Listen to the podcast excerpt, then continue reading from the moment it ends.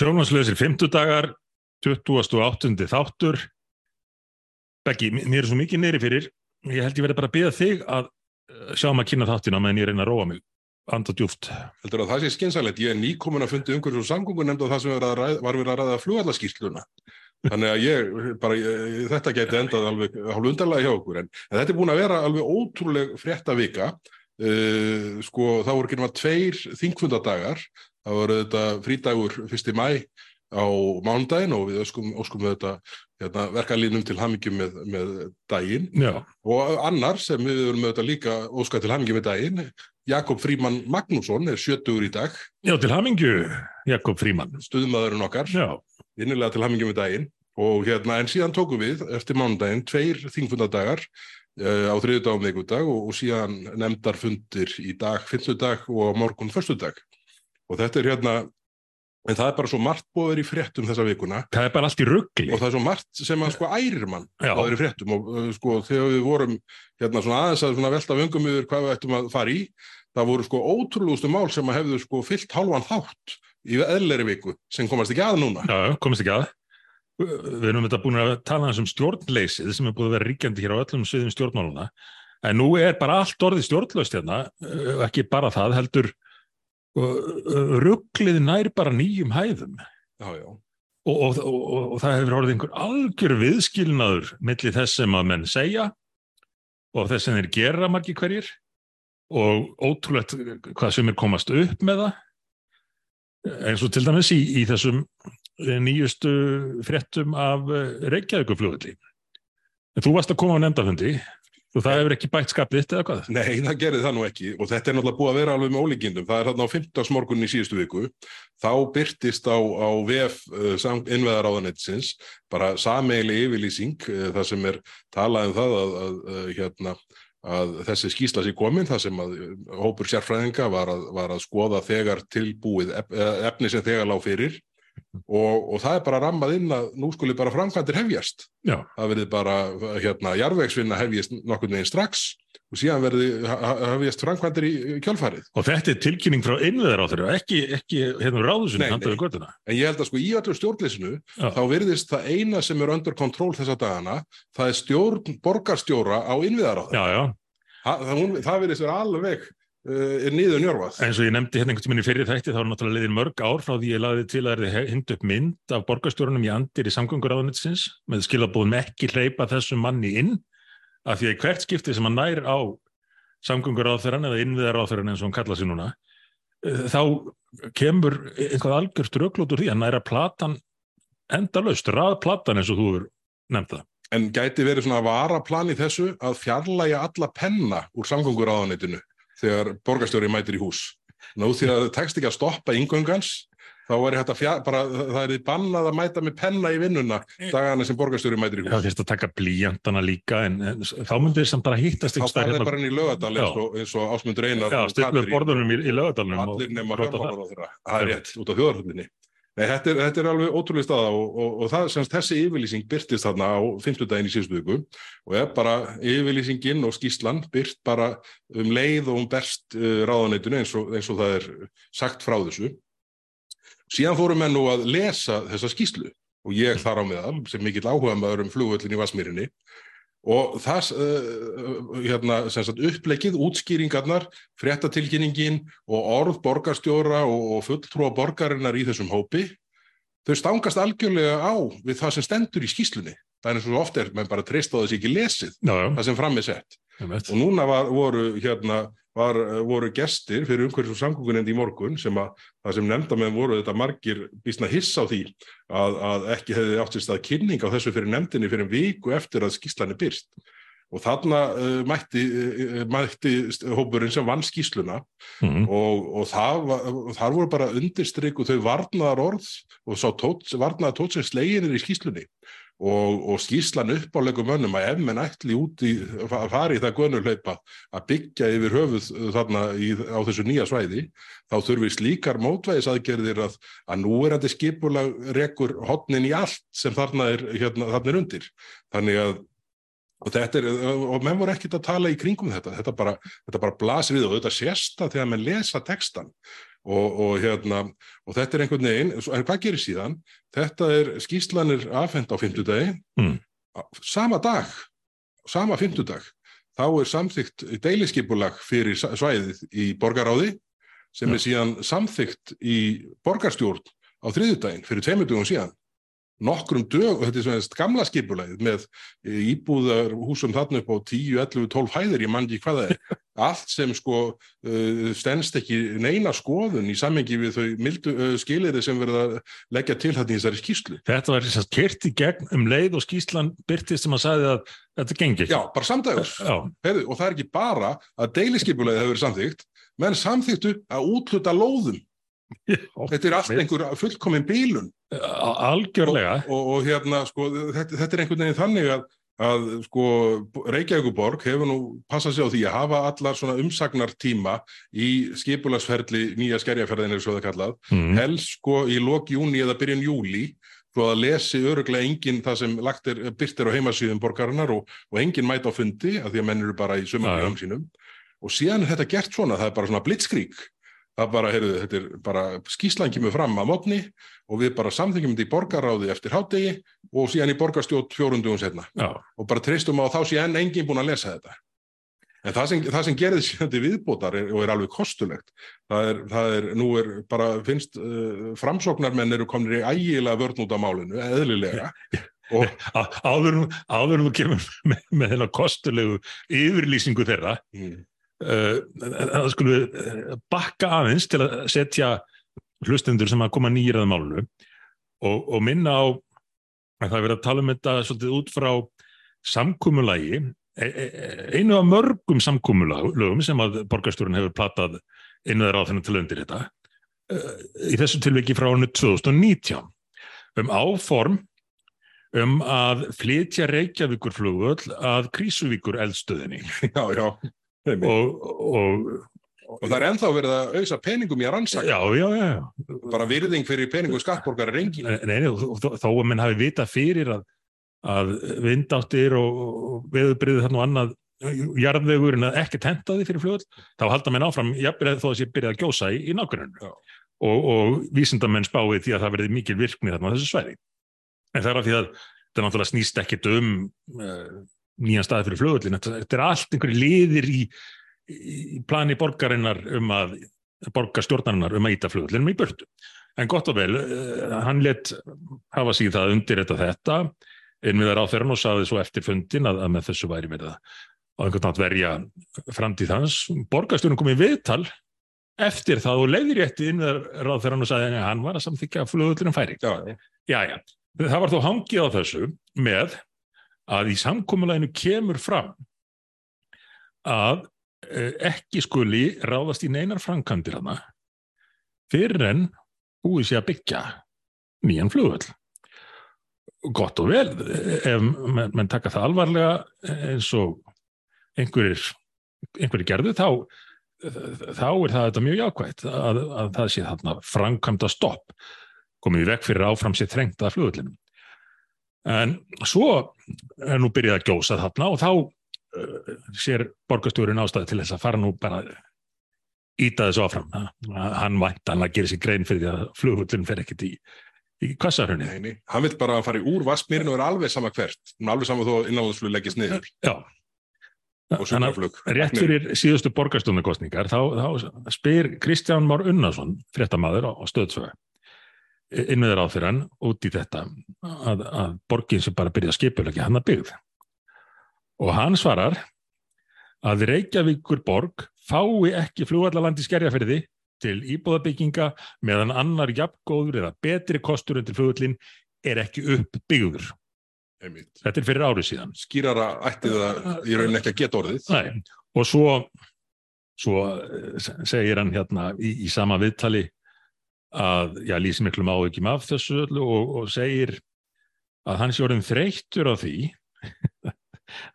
Ráð þannig að segir að það sé leiðinlegt að þurfa ítrekkað að slá á puttana á borgarstjórnan meiri hlutunum en borgin verði að virða tvekja ára gamalt flugvallarsamkomulag Sko hafi ráðherran einhver tíman slegið á puttana á borgarstjórnunum, þá er hann núna hættur því og búin að aðfenda prikið aftur og farin að, að þykja höggin. Uh, og, og það er þannig í, í þessu viðtali. Ítrekkað uh, bent á þetta að það, það bara kom ekki til greina að fara að byggja þennan nýja skerjafjörð fyrir hennan nýjir flugvöldur sér komin og svo gerist það núna árið setna að innviðar á hann þetta byrtir þessa tilkynningu um að það er bara að byrja að grafa. Já, já, þetta er alveg ótrúlega og í tilkynningunni segir bara orðrétt innviða ráðuneytið, ég hef nú bara, það er nú ekki oft sem að ráðuneytið gefa út yfirlýsingum það að ég hefja jarðvinna einhver staðar, einhverju sveitafélagi. Já. En hérna segir, innviða ráðuneytið og Reykjavíkborg hafa tekið ákvörðunum að hefja, hafist verið handa við jarðvegsfrangvandir og þar með undibúning uppbyggingar í nýja skerjafyrði. Já. Hva, hvað er þetta? Ég menna, menn hef ég ekki, ger ég ráð fyrir uh, jarðvegsvinnu á þess að vita hvort er ætla að byggja eða hvað er ætla að byggja þessi, vera... sa þessi sami ráþeira, innviðar ráþeira Sigur Ingi Jóhansson, formaður framsónaflóksins var í viðtali í lögadagsblæði morgunblæsins 2009. apríl þar sem segir meðal annars innan gæsalappa þessi skýsla staðfestir að öll byggðu nálægt flugvöllum rýrir aðstæður og þeim Já. hann bara saði þetta tveimu dögum eftir að þessi yfirlýsing sem ég las upp ráðan var gefin út. Og í samkominleginu frá 2019 og í þessu viðtali frá því fyrir ári, þá, þá segist það mér alveg harður á því að þetta þýðir það með ekki ráðast í neina framkvæmdir að því að flugullurinn eigi, samkvæmt samkominleginu, að vera í óbreyttri mynd rekstrarlega og öryggislega óbreyttri mynd. Heru, þetta, ég var nú svo ánaðið með Sigurðinga í þessu samíkja, ég er hósað honum. Já, ég man eftir því Ég, mér fannst þú vera alltaf fljótur á þig þar. Já, ég sé það núna. Svona ljósir einsluna. Ég verð hægar í, varlegar í þetta næst. En í þessu sama viðtalið við Sigur Inga í lögadagsmókanum síðasta segir hér aftur, uh, þegar verið segja frá vinnu semst hópsinn sem skilaði þessari skýslu, það segir að menn hafi uppgöndað gögg sem hafi verið sapna frá 2012. Þetta er algjörlega mögnu gögg sem eru bara heim, uh, sambærlegt gagnasvall hvað ekki vera til nokkuð stær í heiminum varandi aðstæður á fljóðvöldum. Já, já. Herðu, en, en um þetta segir, þetta sem snýrað veður rannsóknum við flugvallar enda, eða mhm. enda mm -hmm. uh, á vellinum. Og um þetta segir innviðar á þeirra, um þessi, hérna, þetta gagnasafl, þannig að núna fyrir vinna í gang við að greina þau, sem skognin, þar munum við sjá nákvæmlega áhrifuna hlýðarendakverfin og getum lært að því hvað hvert annar er byggð. Ekki bara á Reykjavík flugvalli, heldur líka við aðra flugvalli. Þessi gögg verða óháð þessu verkefni nýtt til ráðgjafar til flugmanna við þar aðstöð sem geta skapast heyrðu, þarna eh, er bara verið að segja og bara segir hann til dæla skynsalega, heyrðu, við þurfum að nýta þessi gögg til að greina áhrifin að þessum flugvelli, þetta eru gögg sem að sko munum segja okkur hvaða áhrif hlýðarendakverfið hafði og við getum lært að því hvað hvert annar er byggð, sem sagt uh, byggðin í nýja skerjafyrði. Já. En hvað ætla menn síðan að gera? Menn ætla bara að læra þessu eftir á þegar búið að byggja byggðina. Já, já. Ekki að skoða gögnin og fara síðan í ákvaða hvort það verið byggt eða ekki. En þetta, allt, þetta snýst allt um einhverja tilli ástæðar til þess að þrengja að vellinum. Nokkuð sem ég benti á fyrst fyrir, já, líklega minni 20 árum. Þá var ég að vinna á Ríkisútarpinu og ég teknaði kort og ég síndi hverjum sem vildi skoða hvert planið væri. Það þrengja flugvöldunum þangar til að, að hún er ítt í börtu. En eftir, eftir þessa tilkynningu frá innanriksrandunum þá vöknuðu nokkur í sjálfstæðismenn til lífsins. Já, já 14 ottitar þeirra í sveitastöðnum og einn eða tveir þingmenn þeirra líka. Akkurat. Rítar Jásins, hann Vili og, og, og hann Njáltröst allavega og, og þeir gera aðtjóðsendur við þetta. Hvað gerist þú næst? Og nú erum við bara kominir, nú erum við kominir inn í nýju staðbörði, síðasta sólaringi. Já, já. Og við byrjum uh, í gerðmorgun. Uh, í viðtali í bítið við innanrikisráður sem að tók þessum aðtúasemdum uh, samstarfsmanna sinna eða hvað hann kallaði á í sjálfstæðisflokknum ekki vel. Eigum við, eigum við bútur þessu viðtali? Heyrðu, já, við eigum bútur þessu viðtali. Við skulum hérna bara svona til þess að stilla af hérna lýsingu atbyrða sólarhingsins sem fyldi. Já. Það var nöðsynlegt að þeir sem hlusta fái hérna þennan bút sem hlusta á núna. Mm -hmm.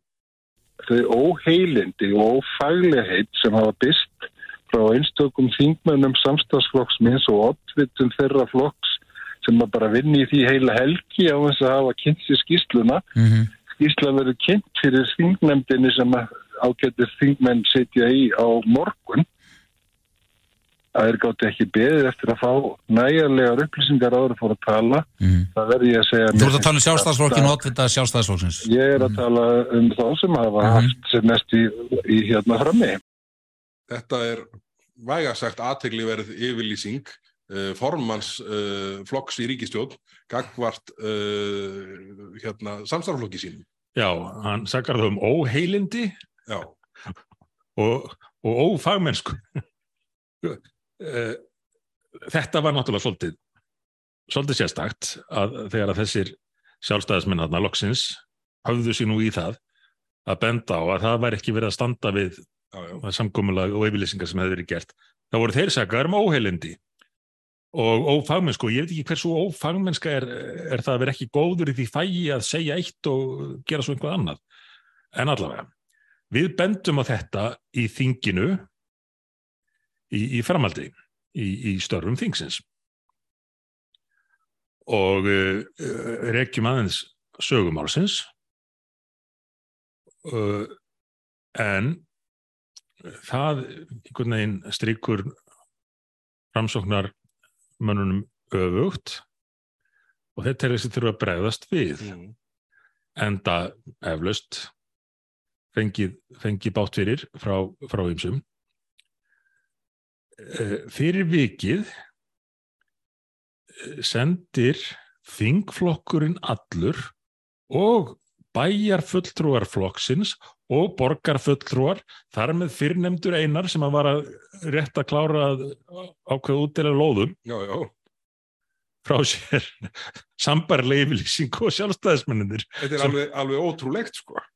Þetta er bara, það er bara eins og Orwell sé bara mættur hlæjandi inn á sviði hérna. Og þetta kom hún í morgun, var það ekki? Jú, jú, þetta kom í morgun. Þetta var byrt hérna, bara eldsnemi í morgun, þá voru þeir vantanlega búin að vaki alla nótt fram svona menninir að reyna að skrifa sig frá sjálfum sér, Já.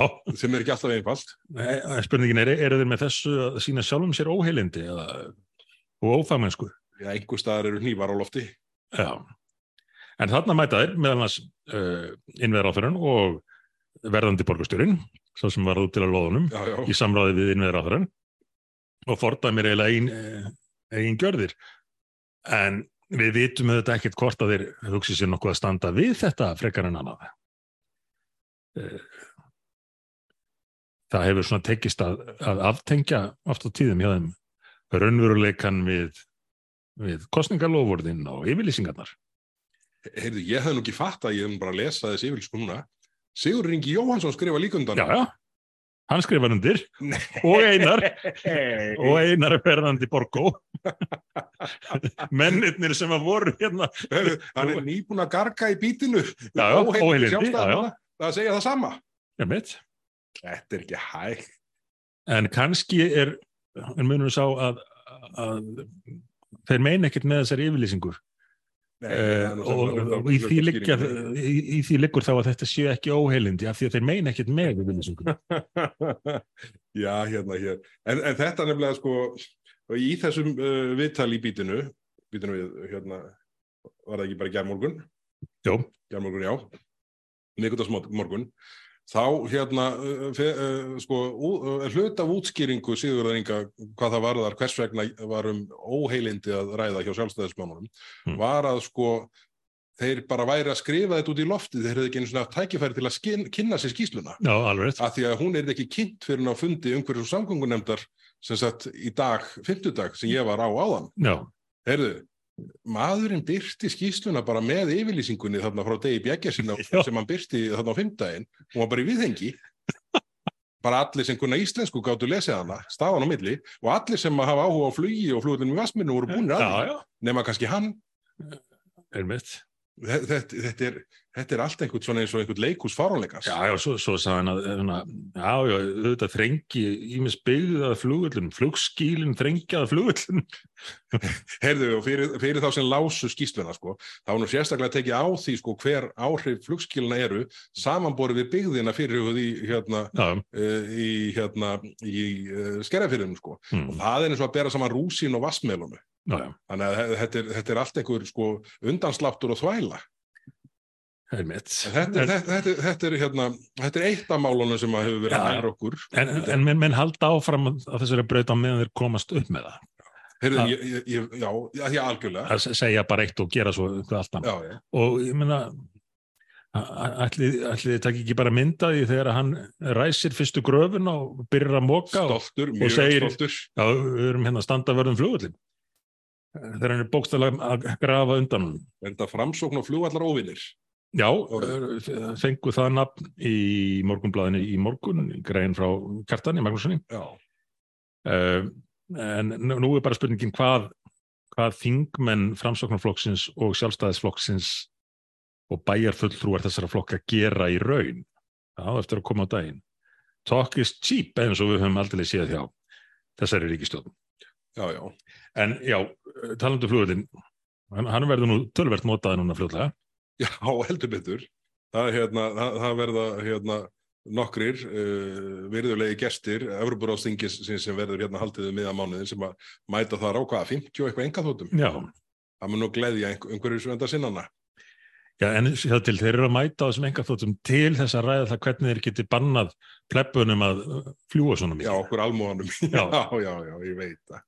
Ég veit að þetta, þetta er auðvitað alveg, alveg fráleitt og hérna, og einhvern veginn sko, uh, maður svona velti fyrir sig, sko, kemur aldrei að þeim tíma, maður, maður horfir, sér þetta í Davos til dæmis, þegar, hérna, þegar menn mæta þarna og hver, á hverri enga þuttuna fætur annari og mitt og, og útskýra það hvernig almúin á, á að haga lífi sinni, sko. Það voru held ég 400 engaþóttur á flugullinum í Zurich þegar þeir voru að funda sérstaklega um, um hvernig þetta draga úr losun. Ég sá mynd af semst úr þarna Eurocontrol, þarna Evrósku flugumferðarstjórnar miðstöðinni. Já, og það var alveg, uh, það sem ég, ég skildi myndina þannig að það væri búið að sikta út sem sagt enga sem sagt enga vélar sem var ekki áallunaflugi Hmm. og þetta var bara eins og sko einhvern svona missile strike á, á þarna nærliggjandi flugvelli sko.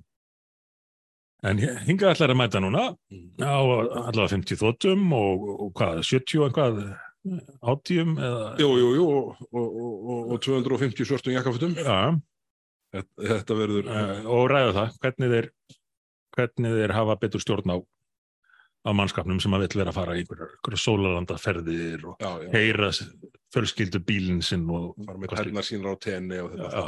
já, já. Við þurfum nú að fljótlega forvitnast um hvernig, hvernig mál staldavarandi skattamál í hérna, skattlagningabrjálaðið á, á flugið. Já, það, það kom aðeins til umræðu í utanríkismálnefndinni í vikunni, uh, utanríkis ráð þegar hann mætti. Ég, mér láðist að spyrja hversu margir fundurnir væri orðnir, hvort þeir væri orðnir 168. En, en skilabóðin eru þessi sko, frá stjórnvaldum til okkar núna að, að Europasambandið síni þessu skilning. En, bara talk en- cheap eins og þú sagðir á það. Akkurat, Mhm. en það er náttúrulega ekkert komið út úr því. Það sem, eina sem við höfum fengið konkrétt frá Europasambandinu til þessa er þið vildu vera með eh, í Europastefnu Europasambandsins og þá verðið þið bara að vera með. Eh, Ekki byggðið um einhverja sérlausnir. Já, en vandamálið er að það er enn haldið áfram á þessari braut sem ég er búin að vara við hérna og við báðir í þinginu. Alltaf sagt, við viljum engan við viljum enga sérmeðferð. Við viljum uh, vera virkir þáttakendur. Og Uh, við erum best í heimi. já, um mitt.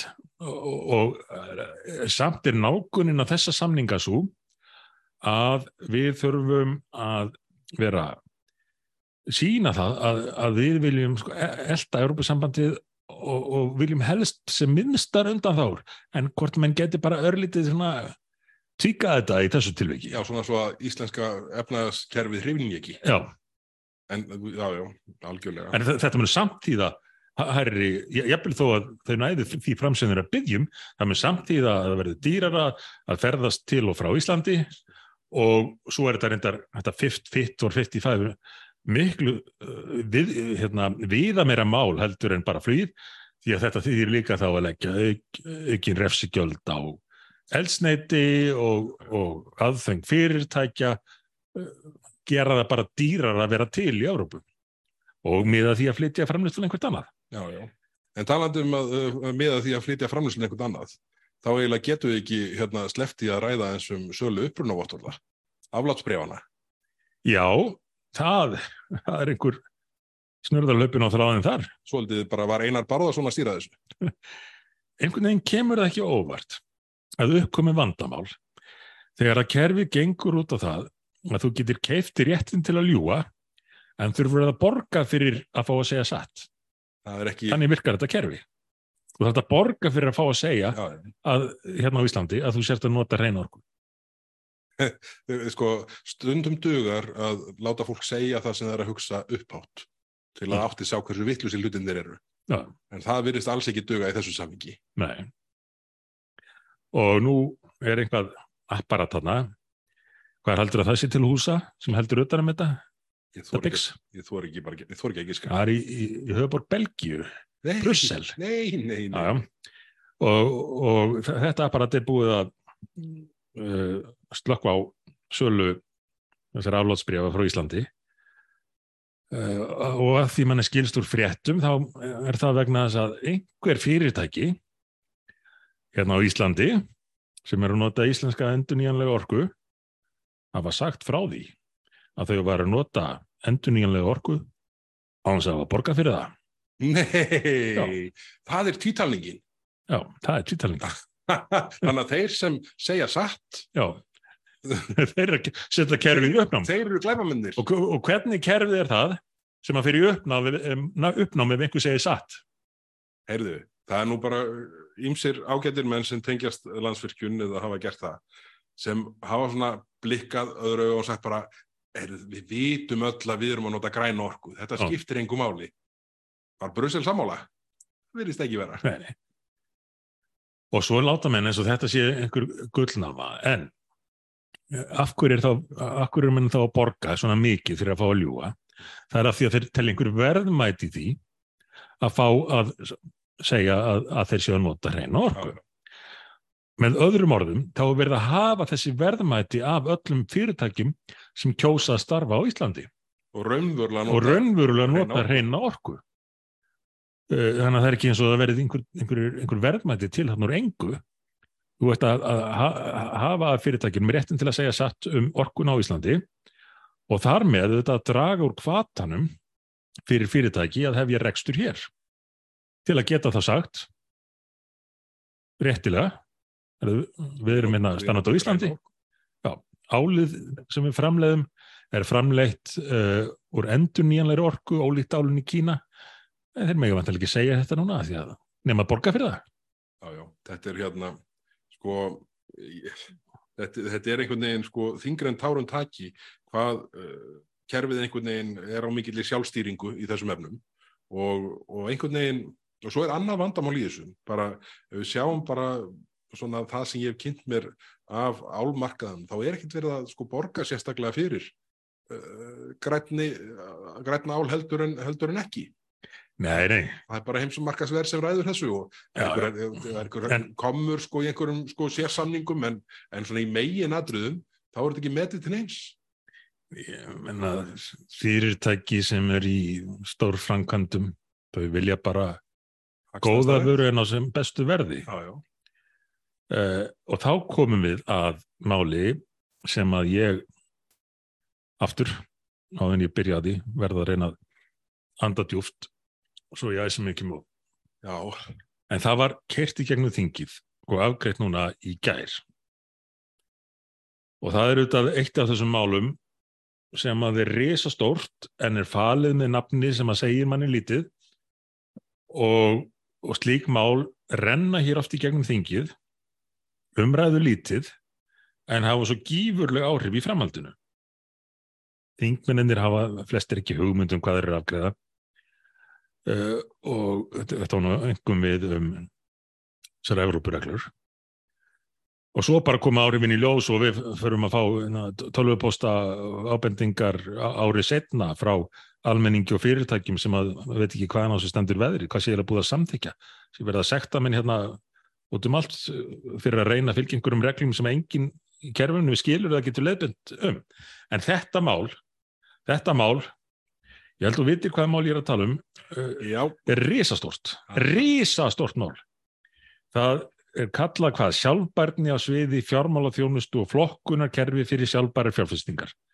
Ljóman er svo hvert annað Európa sambandsmál Uh, En er það sko aldrei ekki? en er það aldrei ekki. Ég, ég man og ég heyrði fyrst af þessu fyrir kannski ég, tveimur árum síðan ef ekki meira, tíminlega svo hratt að Európa-sambandi væri í þessu byggsi og ég sagði nei, nei, það, það lítur einhver að grípa þann inn í og, og stoppa þetta af. En það var náttúrulega ekki raunin og þetta mál rakir á fjörur okkar og ríkistjónin öll rosalega áköf um að uh, kera þetta gegn. En þetta mál fer gegn uh, hugmyndum um frjálst markaðshagkerfi. Það fer gegn fullveldi, það fer gegn ákvarðanatöku rétti alþingis og samfélagsins sér uh, um uh, fjárfestingar og uppbyggingu. Það dregur úr möguleikum á uppbyggingu atvinnulífs í landinu sérstaklega, myndi ég segja, á landsbyðinni, alveg sérstaklega á landsbyðinni. Uh, það mun fel í sér gífurlegar auknar kerfisflækjur. Það mun stakka báknið í því færst kostnaður fyrir fyrirtækin og fyrir vikið fyrir almenning í landinu, mjög aukinn kostnaður, óskilvirkni fjárfestinga mun aukast til mikill að muna og talandum um nýsköpun sem að stjórnvöld, ekki bara þessi ríkistjórn heldur aðrar reynan og yfirleitt að státa sig á og tala vel um, þetta mun, mun hamla henni líka. Og út af hvað gengur þetta? Þetta gengur út af það að þeir sem að er í fjárfestingum, er að lána til fjárfestinga eða vilja fjárfesta, þeir eru að taka uh, ákvarðanir um verkefni út frá því hvaða stimpilverkefnið fær frá einhverjum, uh, einhverjum mati, einhverjum reglum sem er ekki mótað hér á Íslandi uh, af alþingi eða annar staðar, heldur mótað af uh, einhverju nefnd út í Brussel sem að á að búa til viðmiðin. Skilgreiningun á því hvað er góð fjárfesting, æskileg fjárfesting, sérstaklega út frá grænu en, en ég sá að þeir laumuðin líka félagslegu málum og öllu mögulegu. Hvað, hvað telst góð fjárfesting og hvað ekki? Í þetta fara lífeyri sjóðunir okkar. Í þetta, já, Um orsakar sko lægri útgreðslu getur það fram í sækir. í þetta fara lífriðsöðnir, þeir eru sérstaklega nefndir í frumvarpinu og uh, ekki mun líða á löngu að þeirna verði fara að, að krefja þá um að fjárfesta engöngu í, í verkefnum sem eru með þennan stimpil og stimpilin er búin, stimplarnir eru búinir til af nefnd í Brussel sem uh, fær síðan að halda áfram að þróa hvað er í lægi og hvað ekki. Það var, því var þetta hent inn í frumvarpi sko, að það verður komin, tvö viðmið, það er reglugerður um þetta og sagt, það er verið að samþyktar samhliða frumvarpinu. Við erum ekki einu svona leggja fram sérstaklega þetta er bara inn í frumvarpinu, ef þið samþykja frumvarpi þá er þið búin að samþykja þessar reglur. Þá fáðu reglunar í kaupæti. Já, en svo, svo tekið fram en í framhaldinu mun þessi nefnd halda áfram að þróa viðmiðin og senda okkur tilkynningar um hvað í hverju megi fjárfesta og í hverju ekki að fjárfesta Hvar kjósuðu menninni þessa nefnd? hvorki við niður nokkur aðri kjósendur munum, hafa neitt um það að segja. Eh, Þetta verða einhverjir ákafir, oft á tíðum antala aktivistar á, á sínu græna sviði og þeir eru nú ekki alltaf þekktir fyrir að, að taka praktiskustu og skynsamlegustu nálgunna. Nei, við erum oft hafa það markmið að valda sér mest um skada. Já, já, ég meina afleðingin er oft svo og við notum oft dæmið um, um álframleysluna hér, stærsta framlega Íslands til uh, loslasmála. Uh, því að ella, uh, ef við, við varum ekki að framleita hér, þá hefði gerst eins og með meiri hluta álvera í bandaríkjunum og stóran hluta álvera, jafnvel meiri hluta í Evrópu, að þeim hefði verið lokað og þau flutt til Kína. Af því að ég meina, eftirspurn eftir áli fyrir ekkit eftir því hvort að það er framleitt í, í uh, Evrópu eða Kína eftirspurnin ekki bara eftir þörfunum eins og þú komst nú aðeins inn á það náðan. Þannig að við erum hérna að framleiða ál með kannski einum tíunda fyrir losun sem verður til við álframleyslu í Kína. Þú getur rétt ímyndaðir hvort stopnun og fjármögnun álvers á Íslandi myndi falla undir þessi, þess, þessa nýju kröfur, þessa grænu stimpla sem verður að máta eða nokkur annar yðnaður sem hefur verið byggður upp á Íslandi á síðustu áratugum. Eða jafnvel fjárfestingi ferðarþjónustu ef að hún þykir auka á óþarfa flakk fólks. Mm. En það, munum fit for 55, það snýstum að fólk hætti að fljúa svona mikið. Fyrir vikið þá á að beina því fjármagnir sem hér er til staðar inn í ofta tíðum óhagkvæmar fjárfestingar og komið veg fyrir verkefni sem að hefðu verið arbær og, og búið til ný störf á Íslandi og þetta á sama tíma og, og, og umhverfisráðferðin er búin að segja öll nýjorka í að fara bara í, í orkuskiptin Já, já. en ekki ný, nýja verðmættsköpun og ég hef rosalega ráðgjör að því hvað áhrif þetta muni hafa fyrir uh, verðmættasköpun á Íslandi til framtíðar, sérstaklega eins og ég segi á landsbyðinni. Því að á landsbyðin á Íslandi eru menn í, að mestu leita búa til einhvað, búa til verðmæti. Uh, en með þessu móti þá, þá, þá eru möguleika slíkra verkefna, yðnverkefna, framleiðsluverkefna verulega skertir og fáum en yfir höfuð fjármögnun í þau í framhald af þessu, þá verður hún dýrari en, en ella Já, já. og nógu háir er nú mál. Þetta samþykti sjálfstæðarflokkurinn sem með þessu, eins og ég nefndi nú hinn í þinginu, staðfesti endanlega, það sem að við höfum nú séð vísbendingar um, staðfesti að hann hefði gefist upp á markaðsafgerfunu, gefist upp á því að fjárfestar væri best til þess fallinir að meta hvað væri uh, góð fjárfesting. Gafst upp á felsinu til þess að, að byggja upp eitthvað nýtt. Nema, nema þegar það er þóknanlegt uh, einhverju nefnd út í Brussel. Hver hefði trúað því að sjálfstæðisflokkurinn lent á þessum stað á ekki lengri tíma? Alveg, alveg ótrúlegt, óskilinlegt. Svo, svo komu nú hérna, ég, ég rætti til þinginu uh, í vikunni og það komu hérna tvær sjálfstæðiskonur, Guðrún Hafstensdóttir annars vegar og Bryndis Herlastóttir hins vegar. Og Guð, Guðrún held nú fram að þetta allir myndu vilja spila með þessu af því að hinn valkosturum væri döiði Já, þetta var alveg kostuleg ræða Já. eða ansvar. og, og, og þær báðar vildu meina að, að það væri, þetta væri bara því að það væri verið að kalla eftir þessu. En ég hef nú séð aðtugun á því hvernig og, og, og, og tengist því sem hún endur á hann uh, hvernig menn er að fjárfesta. Uh, og það er nánast engin af, af fjárfestum sem að haka sérstaklega við að þeir vilji bara fjárfesta í einhverju sem er með þessum stimplum Nei, nei, það er menn vilja fjárfesta í, í því sem er erbært og kenningin hjá sjálfstæðisflokknum svona fyrstu 90 árin var svo að það væri gott fyrir samfélagið allt að, að menn fjárfesti í því sem að þeir teldu arbært og, og veitti fólki góða þjónust og byggi til vörurnar sem að það settist eftir. Þetta er liðin tíð. Núna er sjálfstæðis, sjálfstæðisflokkurinn í þessari viku búin að afgreða úr þinginu frumvarpum það að 50 manna hópur held ég að sé í Brussel eigi að leggja línundan um hverja er fjárfesti á Íslandi og hverja ekki. Já, já. Er, þetta er rétt að byrja sko hvað þessa, þetta, þessar æfingar varðar.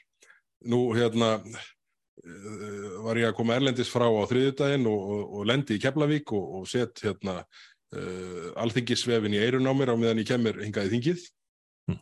og bara það fyrsta sem ég heyri það er Njál Trausti Friðbertsson að, hérna, að, að tala fyrir, eða mæla fyrir nefndaráliti sem að, sem að síðan enginn fór í and, uh, ræðu eða ansvar við. Og þar stóð hann, reynda lafmóður hefur hlaupið rausturvöll en hérna, þar stóð hann í fjórar mínútur og 11 sekundum minni mig að hefur verið og las linnulust upp uh, hérna vísanir í gerðir og, og innleðingar og ímsa hérna, þeir kom frá á færibændunum frá Brussel non-stop í rúma fjóra myndur og, og, og allt, allt uh, við, við undirgöngust þetta allt með þessum langa lestri. við horfum aftur á þetta hérna áðan. Þetta var alveg ótrúleg já, er einu upplifun að, að hlusta á það með hvaða hætti stjórnvöld telja eðlilegt, forsvanlegt að setja lög á Íslandi nú til dags. Lesin upp löngur runa af einhverjum númerum á málum frá Europasambandinu og engin umræða nema, nema bara upplesturinn.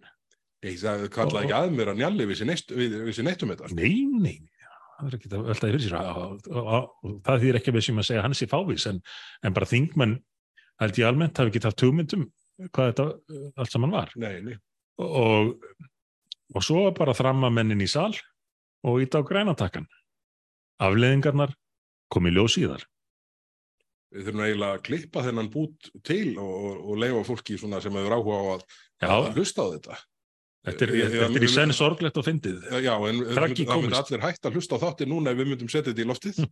þetta er, þetta er slík uh, þrótalesning, en Njalli gæti ekki annað þessum tímamúti, þetta var bara hans verkefni. já, já, einmitt. Og eins og, eins og þetta spila svona með þessari unnæðingar, þetta er bara, menn líta á þetta sem verkefni og hérna, og svo bara fer þetta í gegn á færibandinu. En, en þetta er svona uh, að, að bókun 35 endur innleitri eins og, og sjálfstæðurflokkurinn vill núna afgreða hana. Já. Þá mun lestur eins og sá sem Njalli framkvæmdi þarna uh, á þriðjudaginn Já, já. svona teppalegja yfir, yfir þegar gildandi rétt og, og, og ganga framar sko síðar uh, samþyktum lögum á Íslandi uh, Já, sta, uh, gang, stangist þau á við þennan uh, fjóra mínna upplestur á tilvísunum í, í regluverk. Já, og þau eru bara áköf að, að innlega það eins og við rættum í síðustu viku um, um hamagangin í í auðvitaðryggismánulegnd sem hefur nú aðeins, aðeins róast reyndar núna en, en hugsa er að, að innlega í flýti þetta, þetta fjárfestingarugl sem við reykjaðum og áður en við höfum jafnvel þurft að gera það að innlega það í flýti verandi ekki komið niðurstöðu í, í, í uh, flugmálið. Já, já. uh, Bara sama og, hérna- og, og að innlega 35 í flýti verandi ekki komið niðurstöðu í flugmálið. Það er alveg óskiljanlegt. En það er, það er fleira sem gerist nú svo hratt hérna í þessu stjórnlösa ástandi að það kemur jafnvel fróðustu mönnum um gangmála á óvart nema okkur við auðvitað fylgjumst með en, en uh, sástu, sástu fund Sælabankastjóra með efnas og viðskiptanemnd. Já, ég sá hann og mér var nú eiginlega brúðið að sjá hvað Sælabankastjóra var brúðið Já, hún var bara raunverulega brugðið og, og, og var hinskilin með það og, og varð orða vant þegar hún var bent á að skyndilega væri íbúar landsins orðnir 390.000. Ég var einmitt daginn áður búin að benda á þetta í, í Facebook-veslu. Ég var búin að vinna árið nýjastu tölum frá Hagstofunni. Hagstofun á hróskilið fyrir að halda okkur upplýstum. Eh, Ég var búin að vinna úr þessum tölum og, og, og benda á það að með við sumu þróun þá yrðu Íslandingar, nei ekki Íslandingar, íbúar landsins vil að merkja, orðnir um 400.000 við næstu áramót. Einhvað sem engin átti von á nærið því strax. En af þessari fjölgun uh, í fyrra og það sem að verið þessu ári er að fjölgunni er um 6% Íslandingar, íslenski ríkisborgarar. Hvernig getur það 94, gerst? 94% af fjölgunni eru erlendir ríkisborgarar. Það fjölgar á Íslandi um cirka 15 erlenda ríkisborgara fyrir hvern einn Íslanding sem bætist við. Og þetta hefur auðvitað áhrif. Þetta hefur áhrif á hagkerfið, þetta hefur sannanlega áhrif á húsnæðismarkaðin. En það er nú búið að mæla fyrir frumvarpi eh, sem ég ætlaði nú reyndar að taka þátt í umræðum hérna í vikunni en svo var ekki búið upp á umræðu, ég, ég veit ekki hvort það var búið að lauma inn uh, fyrstu umræðu en, en það, var- því var bara það var bara kosum að vísa því til Nefndar, nefndar án þess að gefa kost á uh, umræðu, það getur verið að það verið einhver stutt umræða sem engin sem enginn tók eftir. Uh, um, um að breyta yðnarhúsnaði í uh, Já, heimili fyrir var, það var eitthvað skrítið fyrirkomulega því. Ég sá Já. því var tróðið inn á milli hérna annarkot starfa eða fyrirspurnatíma og atkvæðagreyslu. já, Það var, eh, eh, við þannig eiginlega sko. Já, það komið ræðu, sko, ég beð spenntur en þá var þá var bara bóðið upp á aðkvæðgræslu um til hvaða nefndarmálu þetta fara. Þá hefur bara Sigur Ringi talað í 30 sekundur og, Nei, hann, hann mætti ekki, sko. og hann mætti ekki. Uh, en ég fór að velta fyrir mig hvort að hvort að einhver tíman hafi hafa hann laumast til að mæla fyrir þessu eina mínútu eða hvað. En ég, ætla að skoða þetta náður. Þetta var óvinnulegt. Uh, allavega, önnur umræðar eftir og, og þriðja. Og þetta gengur út á að heimila nýtingu uh, atvinnuhúsnæðis undir hælisleitundur. Og eins og við höfum nefnt áður hérna, þá er Ísland enn að slá metin. Fyrstu þreymur mánuðum ásins, hvað var það, 1500? Þess, 1500 Já, manns sem áður komið 24 að meðaltali uh, til landsins í bóði stjórnvalda og áttu, áttu þá þann rétt sem að, sem að allir eiga að fá núna, fá þér hennar dalarlefi húsundum saman og eitt af því er húsnæði og uh, eins og þekktur orð og við höfum nefnt áður þá er húsnæði allt húsnæði sem losnar til leigu uh, meira og minna allt gripið af ríkinu sem að borgar uppsett verð og borgar á tilsettum tíma og uh, og bara orðið mjög erfitt, jafnvel ómögulegt fyrir fólk sem að uh, er, er í leit að leiguhúsnaði að keppa við það. Þannig að þetta er, þetta, er gríðarlega áhrif á húsnæðismarkaðin hér uh, en engin viðbröð, engin viðbröð frá stjórnvöldum. Önnur en þessi jú að, að ætla sér að leifa notkun á uh, yðnarhúsnaði og öðru atvinnuhúsnaði undir einhvers konar flottamannabóðir vegna þess að það er búið að riksu upp allan markaðin að öðru leiti. En þetta þetta gefur áhrif svo víða, á, þessi miklu ströymur hingað til lands eh, hefur þessi miklu áhrif á húsnæðismarkaðin og svo er annað, eh, á þessum fundi um flugvöldin í morgun mættu fulltrúar félagsstofna stúdenta. Mm. Það er nú einn eh, hérna, bletturinn sem er búin að, búið að lofa þeim undir, undir hérna, íbúðar uppbyggingu fyrir stofnunina, Já. er þarna í nýja skeraðfyrnum eins og hann er kallaður. En sko, svo spurði ég, býtu, hver, hvaða uh, lóðir eru það sem er búið að gefa ykkur viljiði fyrir hérna, byggingum á? Og það er sem sagt hérna, vesturbugt sem hefur nú verið mikil þrautaganga að, að, hérna, að, að komast áleiðis með. Já, þannig að sem sleppurinn í Reykjavík var þetta er búið að taka mm, hvað, 10-15 ár ég, Það er eitthvað svo leiði sko. Já. En þetta er samt eina raunhafa verkefnið. Já, Heyrðu, það er vesturbugtin, það er skerjafjörðurinn, það er hérna uh, miklubrautarstokkurinn. Stokk, á að bjóða sko félagsstofnum stúdenta að byggja ofan á miklubrautastokknum. Og síðan er það þarna bensinstöð stokksetja stúdenda og, og síðan á að bjóðum að byggja á bensinstöðinni þarna við BSI ef ég skildi það rétt. Heyrðu, með þessu er þetta bara verið að gera sko félagsstofnum stúdenta af einhverjum aktivistum í skipulagsmálum borgarinnar. Því að Já, það er bara já. verið að lofa þeim sko hérna uppbyggingar uh, þar sem að verulegur pólitískur ágreiningur er um, um málinn. Þetta, þau eru svo ósvífin í, í, í þessu ósvíðið. og, og, og það samátti við til dæmis um það þegar var farið að já, eiginlega planta útigangsmönnum í vegstæði Já, sundabrautar bara í veglínni. í veglunni já. Alveg ótrúlegt. og það, þá voru þeir bara útigangsmenn notaðir í, í þessum tilgangi Já, já. Að- búa til hindranir vegtalma fyrir lagningu sundabrautar það, það er nú varandi sundabrautina, maður þarf nú aðeins að skoða núna hvernig, hvernig mál standa þar eftir að uh, innviðar á þeirra Sigurður Ingi Jóhansson létt dag borgarstjóra að plata sig enn einu sinni. En ég veitti því aðtegli að, að nú er búið að hérna, tilkynna tvísvar með stuttu millibili fyrst 21. janúar, síðan 28. apríl um ráðningu verkefnastjóra sundabrautar. Og það er nú bara áhvert að uh, komast að því hvort að, hvort að sá hinn fyrri rökklaðist úr starfinu þegar hann áttaði sig á því að, að, að, að, að það, þetta verkefni væri bara til þess ætlað að kæla málið og, og tryggja að sundabraut yrði aldrei. Já, þetta eru áhugaverðar vendingar. Uh, en jú, já, við þurfum ekki að rekja sögu sundabrautar hér einaferðin enn en þetta er náttúrulega bara hörmunga saga í tíð þessa meira hluta sem að neytir allra ráða, beitir öllum brögðum til að reyna að koma í vekk fyrir að það verði að þessari aðkallandi og hafkomi framkvæmt. Af því að þau eru bara móti umferð fjölskyldubíla. Og meiri sér seðlabankarstjóri kallar eftir þessari já. Og er hann nú meiri því að reyna að lempa framkvæmdarlið samfélagsins þessa dagana heldur en, heldur en annað. En, og, og ríkið gerir náttúrulega ekkert í þessu frekar en öðru þó að þetta sé svikið eins og annað í samgöngusáttmálunum höfuborgarsvæðisins uh, hvers virði eru lofórð og undirritanir ráð þeirra þessar ríkistjórnar? Það verðist ekki vera mikilsviði. Ég velti því fyrir mér í uh, og spurði uh, fósettisráðferðan út í það í, í þinginu í vikunni.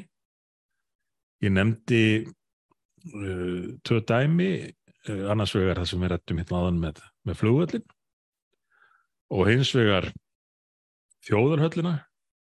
Og maður snú eftir því að rúmri viku uh, fyrir borgarstjórnarkostningar síðast þá, og við nefndum þetta henni upp að þáttar aðeins þá var borðnum stilt upp í lögardalunum og, og þau mættu þar uh, borgarstjórin með uh, með fósittisráþurra og, og uh, íþrótta hvað heitir þetta, barna og barna og, Barna og íþróttamálar á þeirra, svo, svo er það með grunnskóluna líka.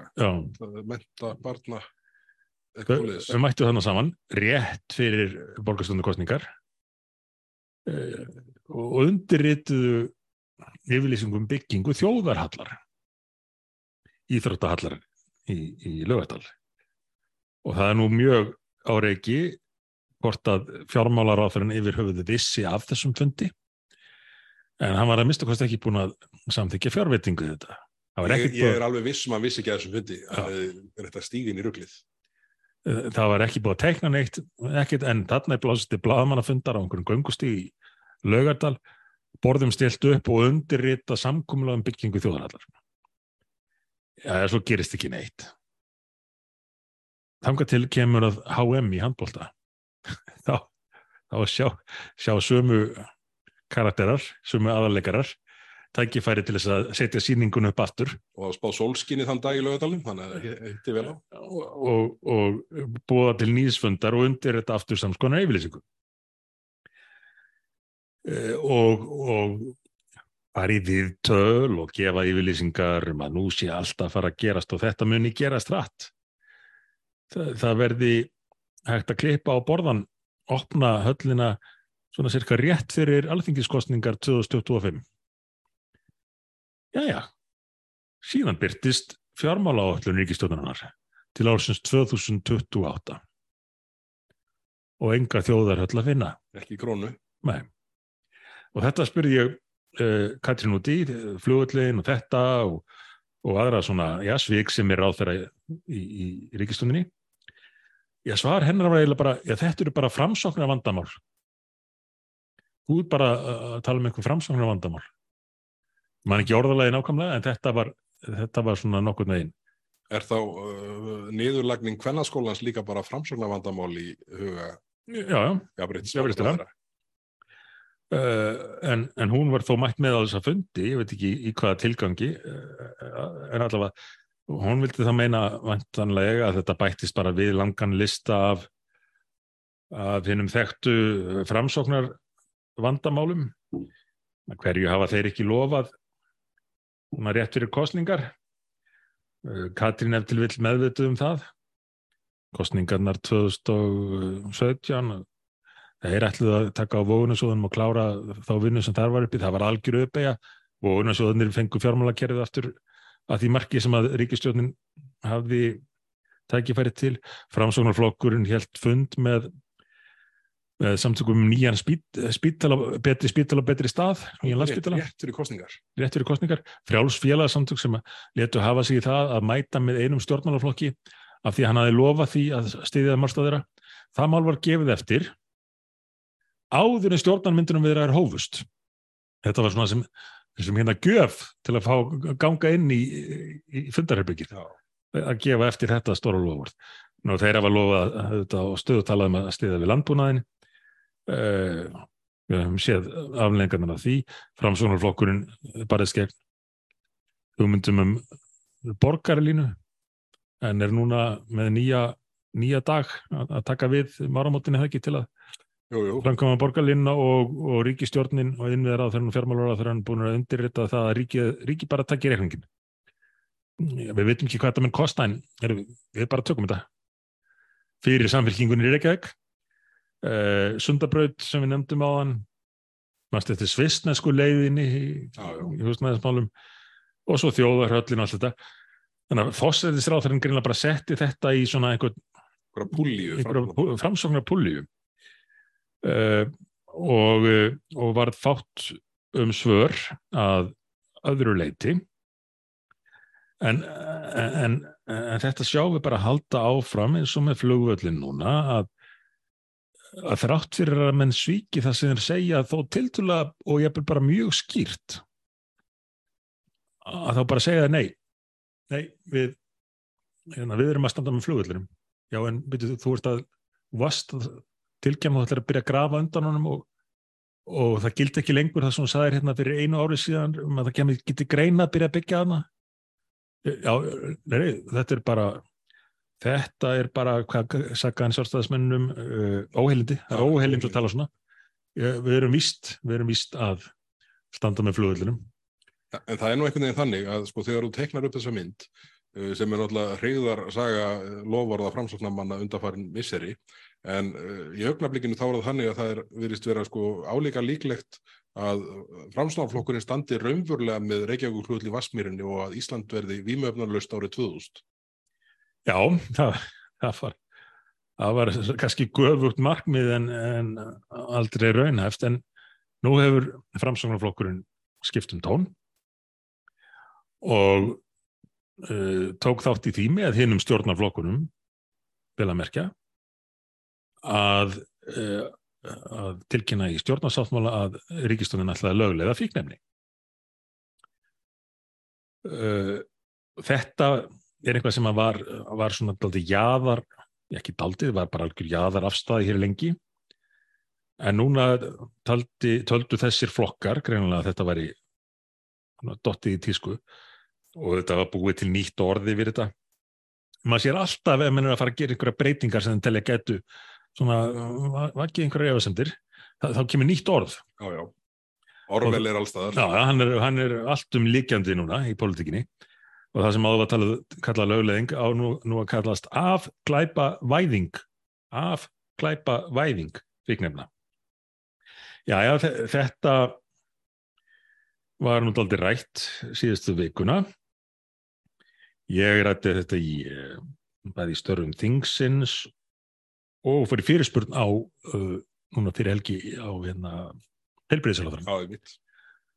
Þar sem hann reynda saði að hann væri, að minnst kosti í bíli, að hann væri fallin frá sem áformum um, af glæpa væðinguna uh, sem var svo sem ágætt en áður var ég búin að fara í upptöku á uh, Sprengisandi með, með Pírata Halldóru Mógensen Það voru nú áhöldum það hvort þú værir í þeirra upptöku. Já, það var ekki, ekki auðheirt að ég væri þarna í hópnum því að það var, það hefði glemst að greinilega kveikja á hljóðnumannum því að þetta var tekið fyrirfram, það var ekki, ekki tæknimaður með okkur. Þannig að ég vil nú nota þetta tækifæri til að hrósa þér Bergþór fyrir tæknivinnuna hérna í sjónaslösum 50.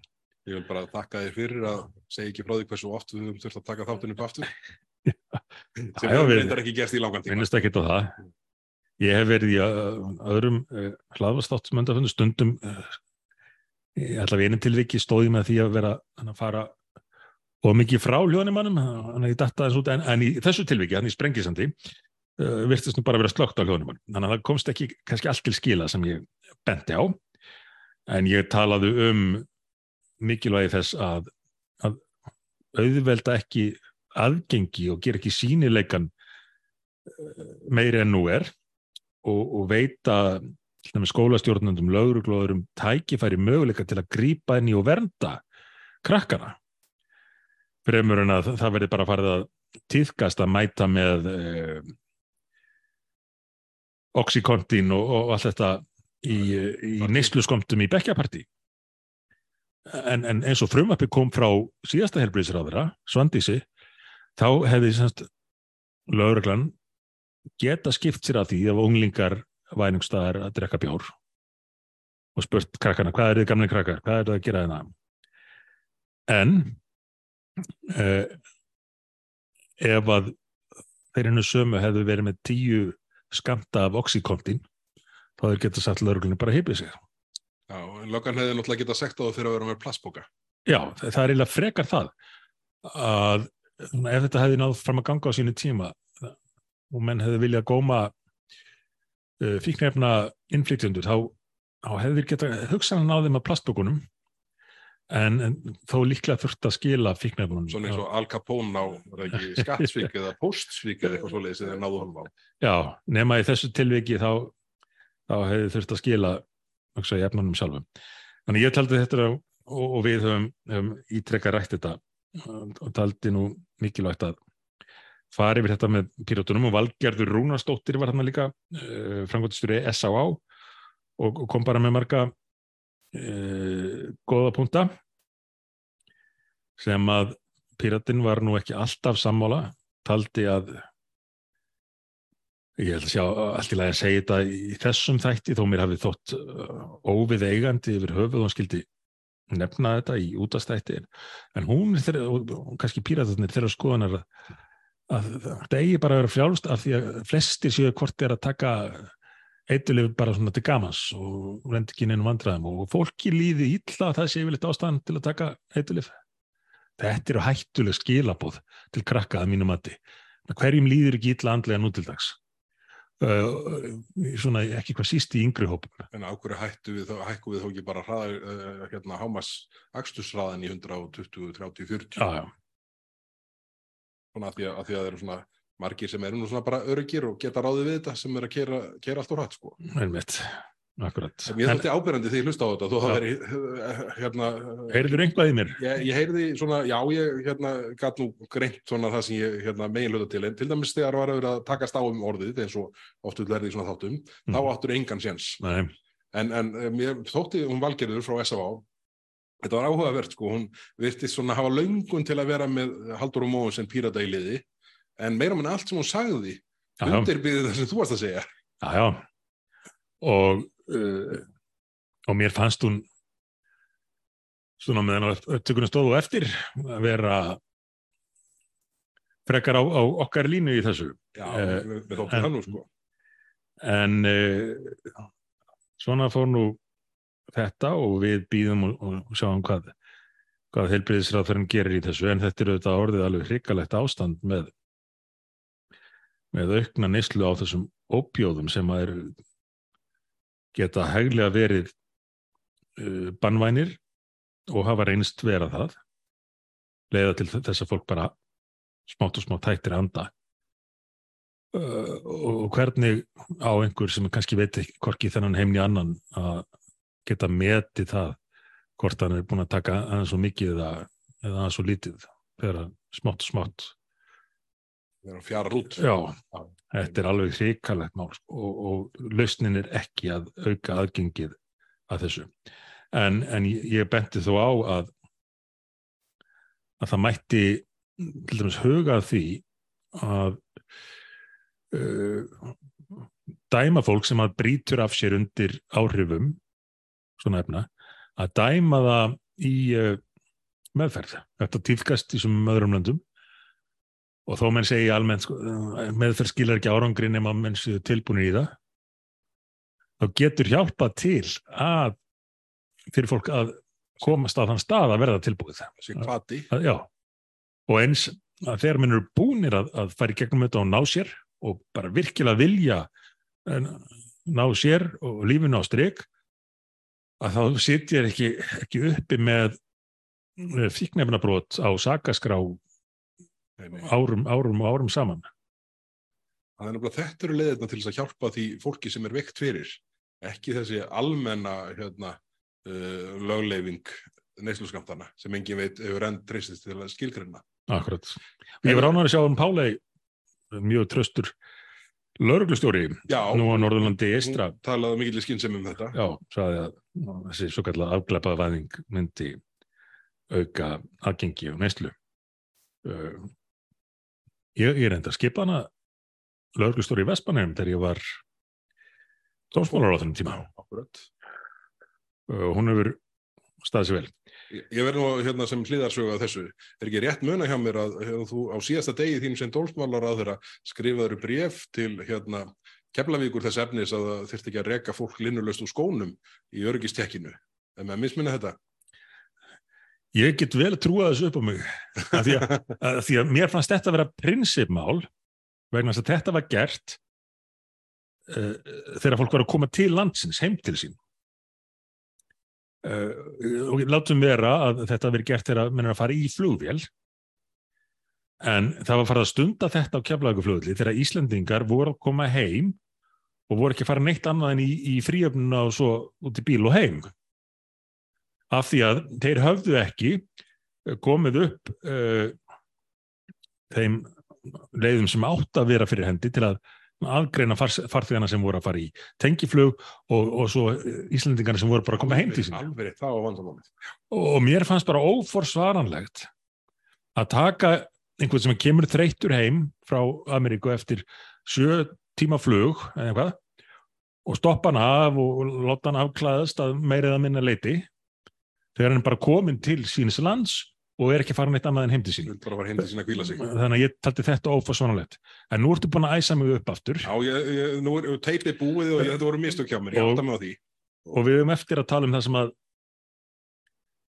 það sem er nú líklega að trilla mig mest af öllu þessu ruggli sem við erum búin að upplifa í þessari golnu viku. Sástu fréttinnar eh, kom fréttum þetta á vísi uh, og svo sem vel gert hjá þeim að fyrstir fjölmila að því virtist til að kveikja á þessu en sástu fréttina um kynlífs áróður fyrir börn í grunnskólum borgarinnar og reyndar víðar. Ég sá þetta, þetta er alveg fullkomlega galið. Þetta er bara sturlað. Uh, og Þetta gengur út af það að reka áróður í því sem að í Reykjavík er kallað vika 6 sem sagt sjötta vikan í, já, í hvað, skóla árunu þá eftir áramóti eða hvað uh, og þeir kalla þetta viku 6 sem á að þykja einhvað svona sniðut Hvað var- 6, Hvað varðum, hvað varðum að leifa börnum bara að vera börn? já, hvenar datt það algjörlega upp fyrir en þetta kemur náttúrulega eins og mörg önnur vittlisann hérna nú ráðhúsinu handan við göttuna og þetta er rekið af um, jafnréttis skóla Reykjavíkur. Vissir að hann væri til? Nei, hann, hann einbytt sér að þessu viku 6 og unglingar borgarinnar eru fengnir í það að búa til námsefnið. Og þarna var einhver ég veit ekki hvort það var fórstuð maður þess að jafnrétti skóla, einhver kona sem var með þetta fengið til að svara fyrir þetta. Og, og hún sagði þetta væri bara mjög æskilegt það, væri verið að búa þannig til vegspjöldum kynheilbriði aftur komum við að þessu sama með hvernig hlutin, hlutinir fá nýtt nafn. En skoðu þetta vegspjöld ég eiginlega bara treysti mér ekki til að ég með það hérna, fyrir fram mig. Ég treysti mér ekki til þess að lesa þetta allt upp af því að þarna eru tekningar og kynlífsleiðbenningar til barna.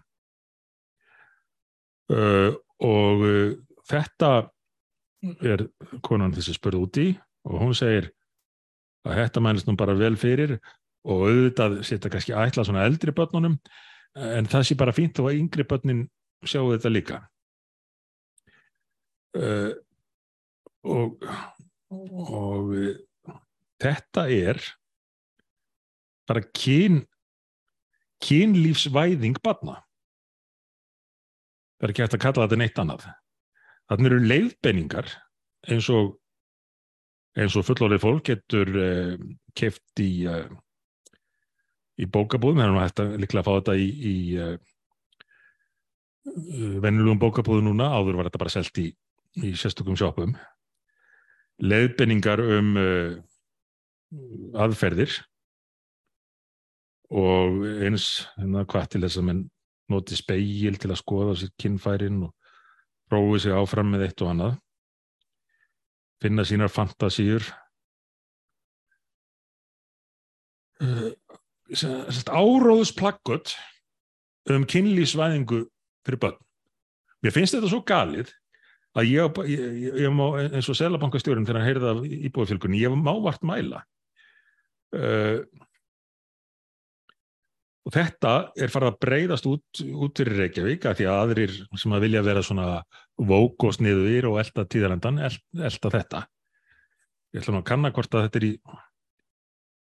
í skólum í, í mínu nærum hverfi.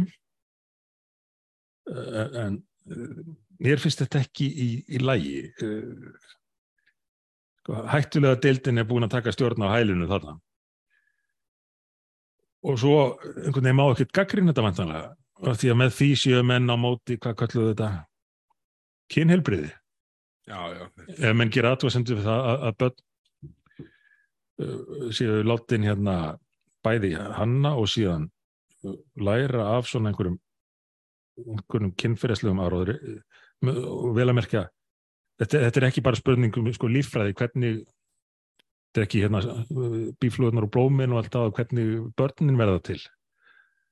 Og þannig allur gangur að því hvenar, hvenar börn þá, þá kjænslu þetta er spurningum tækni og, og, og slíka hluti. Í grunnskólum aðgengilegt öllum börnum í grunnskóla frá 6 til uh, ja, hvað 14-15 ára þeir sem kunna lesa. En þessi vika 6 kynlífsvika grunnskólana já, kynlífsvika grunnskólana hún nær samt ekki bara til grunnskólana ég var að opna þetta hérna rétt fyrir þáttinu upplýsingasíðum þetta. Þetta er sko þetta er líka í bóði fyrir leikskóla. Nei, nei, nei, nei, nei. já, þetta nú við, hvað var þetta?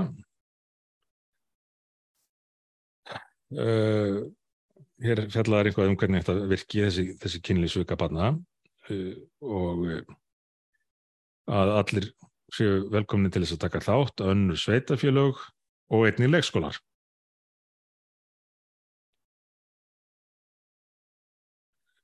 Já, já, mér er nú bara orðavant. Þú verður eiginlega klárað á þátt, Berglur. Ég, ég verði að færa aftur í djúböndurina. Já, heyrðu, það er brefbúkið þarna á borðinu, þú kipur honum til ín.